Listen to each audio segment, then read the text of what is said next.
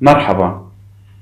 اليوم نستكمل الوصايا العشر يلي بلشناهم بالفيديو الأول الأسبوع الماضي بالخمس الوصايا المتبقية حتى نختمها ونكون هيك اكتملنا هالعشر وصايا آه، لإختيار الشريك. رح أرجع أعدد على السريع الخمس النقاط الأولى كتعداد وبلش أشرح الفكرة السادسة. بلشنا. اولا كانت أول فكرة أول وصية هي الانجذاب العاطفي. الثاني فكرة كانت الرضا والوعي للمهمة.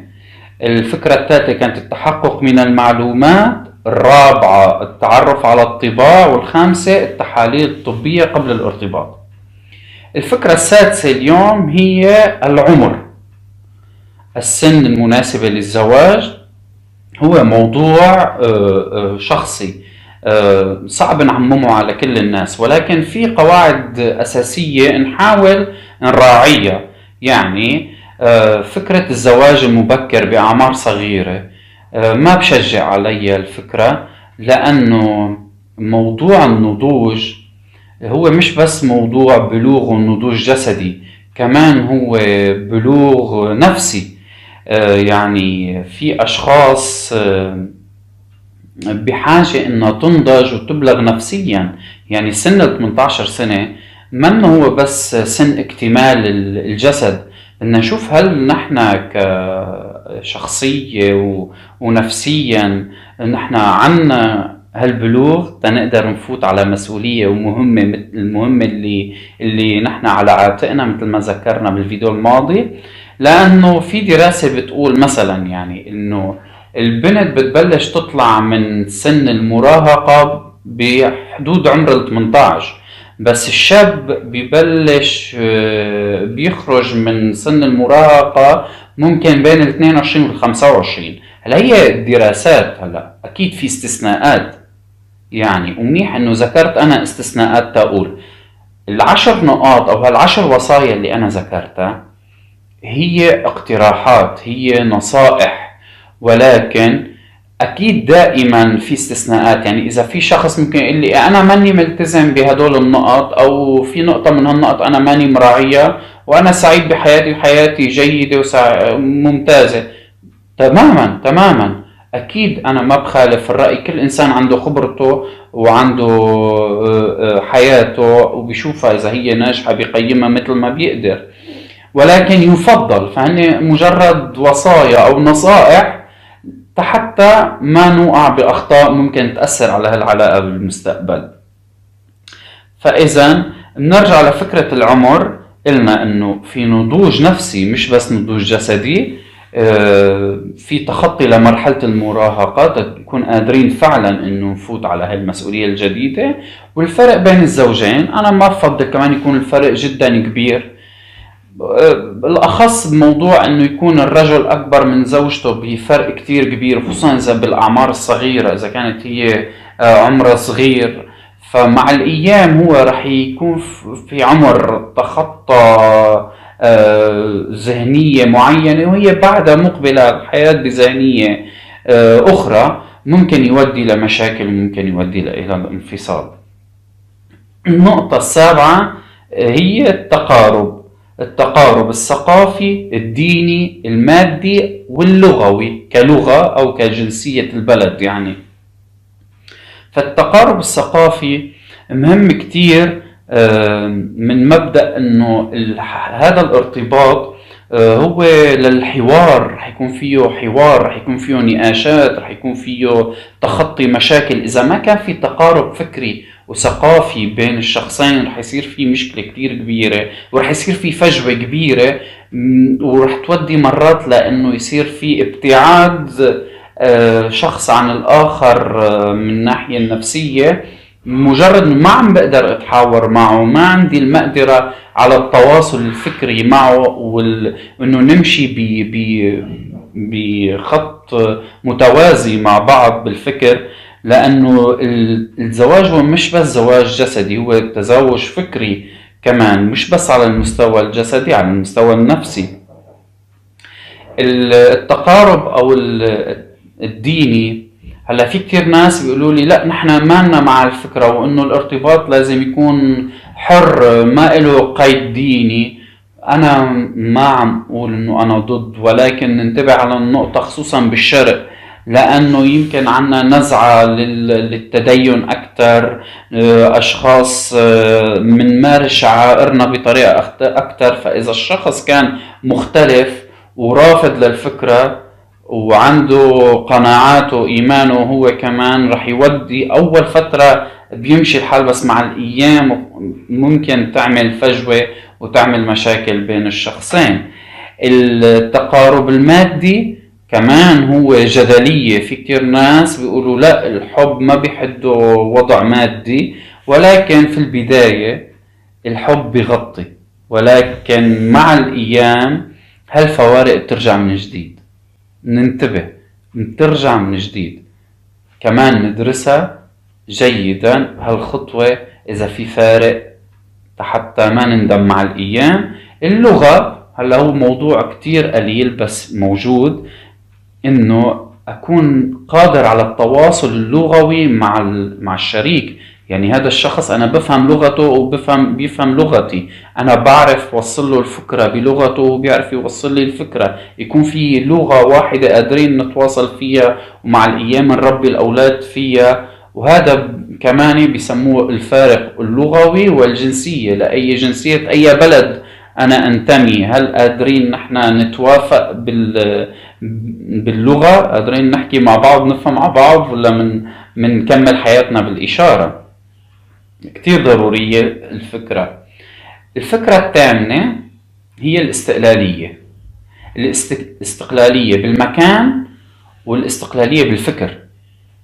بنصح رغم مرات عدم وجود هاي الإمكانية إنه يكونوا الزوجين منفصلين مكانيا عن أهاليهم. لأنه منتلافى كتير مشاكل ومنبلش نشعر فعلا إنه نحن آه، استقلينا عن الأهل وبدأنا مشروع حياة جديدة مع بعضنا بنحل مشاكلنا مع بعضنا وهي بتودينا على النقطة الثانية بالاستقلالية هي تدخل الأهل في كل شارده وواردة.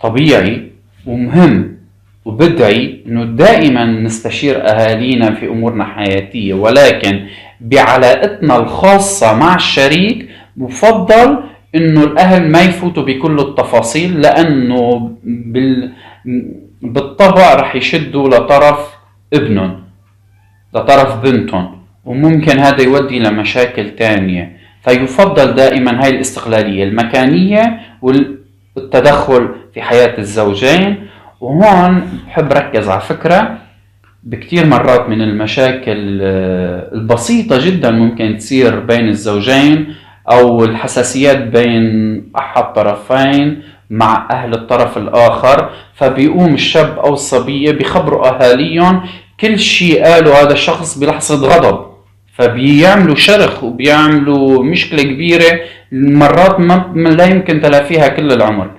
لما بيصير في نصيحة لما بيصير في مشكلة بين الزوجين ممكن تطلع كلمة غلط هيك أو هيك نخليها بيناتنا. لأنه إذا رحت وصلت هذا الكلام للأهل رح يصير في مشكلة يمكن ما نقدر نتخطاها. النقطة التاسعة هي المشورة.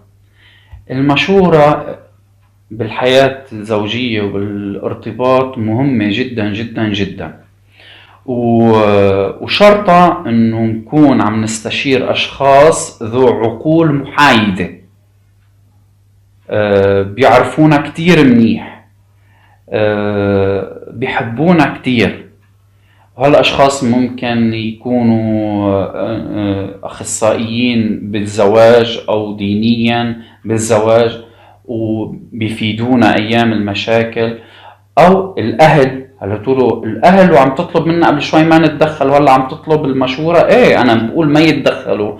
بس لما نحن بحاجة لمشورة مين في عنا حدا بحبنا أكثر من أهالينا ممكن يكون آه، آه، مرشد لحياتنا ولخيرنا؟ لأنه آه، بيشوفوا فينا أمور ما بيشوفها العاشق. يعني المغروم مرات بيكون اعمى فالأهل بيشوفوا أمور نحن ما بنشوفها وبينبهونا عليها حتى قبل الارتباط. ضروري نسمع منهم. هلا بعدين بنوزنها بتناسبنا ما بتناسبنا أكيد الخيار إلنا. الأصدقاء المقربين اللي نحن واثقين من محبتهم إلنا كمان ممكن يحدوا من اندفاعنا لأنه كثير مرات الاندفاع آه، بالعلاقة بالارتباط بيودي للتضليل بيصير بيقول لك الحب أعمى بيصير ننعمى وما نشوف الأمور بشكلها الصحيح. فالمشورة كتير مهمة تحضيرا للارتباط ولاكتشاف الآخر واكتشاف ذواتنا ممكن يدلونا على أمور نحن غلط عم نعملها. النقطة العاشرة والأخيرة الوصية العاشرة والأخيرة هي إنه قرار النهائي إلنا للأشخاص اللي بدهم يرتبطوا. يعني قرار آه، لا يمكن لأحد غيرنا يتخذه. مشان هيك لازم يكون قرار حر وواعي مثل ما قلنا بالفكرة الأولى بالوصية الأولى. مثل ما وصفنا كمان إنه هالارتباط بيعتمد على آه، آه، سندين يلي هو العاطفة إنه يكون في عاطفة تجاه هذا الشخص في حب في غرام والنقطة الثانية هي العقل. يعني نحن بنستشير وبنستخدم عقلنا في كل أجزاء من حياتنا وبكل القرارات وبكل المشاريع. فكيف أنا ما بحكم عقلي بأهم مشروع للحياة يلي هو الارتباط يلي هو مهمة حياة تستمر كل العمر؟ فضروري نستند على هالجذرين يلي هن العاطفة والعقل تنقدر ناخد قرار حر. قرارنا نحن بالنهاية نحن نختار. بخاتمة آه، موضوع الوصايا العشر آه، للارتباط في عندي مثل نصيحة صغيرة خصوصا للأشخاص المقدمين على الارتباط وهن ما بيعرفوا بعض بشكل مسبق. يعني ما في علاقة ما في معرفة ما في يمكن ما في لسه حب. إنه فترة الخطوبة تكون طويلة نسبيا حتى لو صارت سنة أو تخطت قليلا هذا الوقت. كتير مهم لنتعرف على بعض أكثر آه، لحتى نعطي مجال للخبرة ولسقوط الأقنعة. هيك مثل ما قلت بالفيديو الأول كل شخص فينا بيقدم المثالية اللي موجودة عنده بس ولكن مع الوقت بتبلش بتسقط هاي الأقنعة ومنبين نحن كيف. وبيبلش يبين عنا آه، آه، المحاسن والمساوئ. هذاك الوقت بنقدر فعلا نوزن ونختبر هل هذا الشخص يناسبني هل أنا أناسب هذا الشخص هل العلاقة في آه، الحد الأدنى أو المنطلق لتأسيس شراكة حياة مستمرة كل العمر ولا لا؟ فإذا هالوصايا العشر بنحطهم بين إيديكم؟ هن مانن آه، آه، كل شيء ممكن نفكر فيه هن بعض الوصايا. هلا إذا في أشخاص منكم في عندهم نقاط تانية بيضيفوها على هالنقاط العشر. أنا بتمنى يتركوا لنا آه، خبرتهم بالتعليقات وبنكون ممنونينكم. هيك بنستفيد كلياتنا من بعض ومن جديد. فصح مجيد للي معيدين اليوم بالفصح وبنشوفكم بفكرة وفيديو جديد. إلى اللقاء.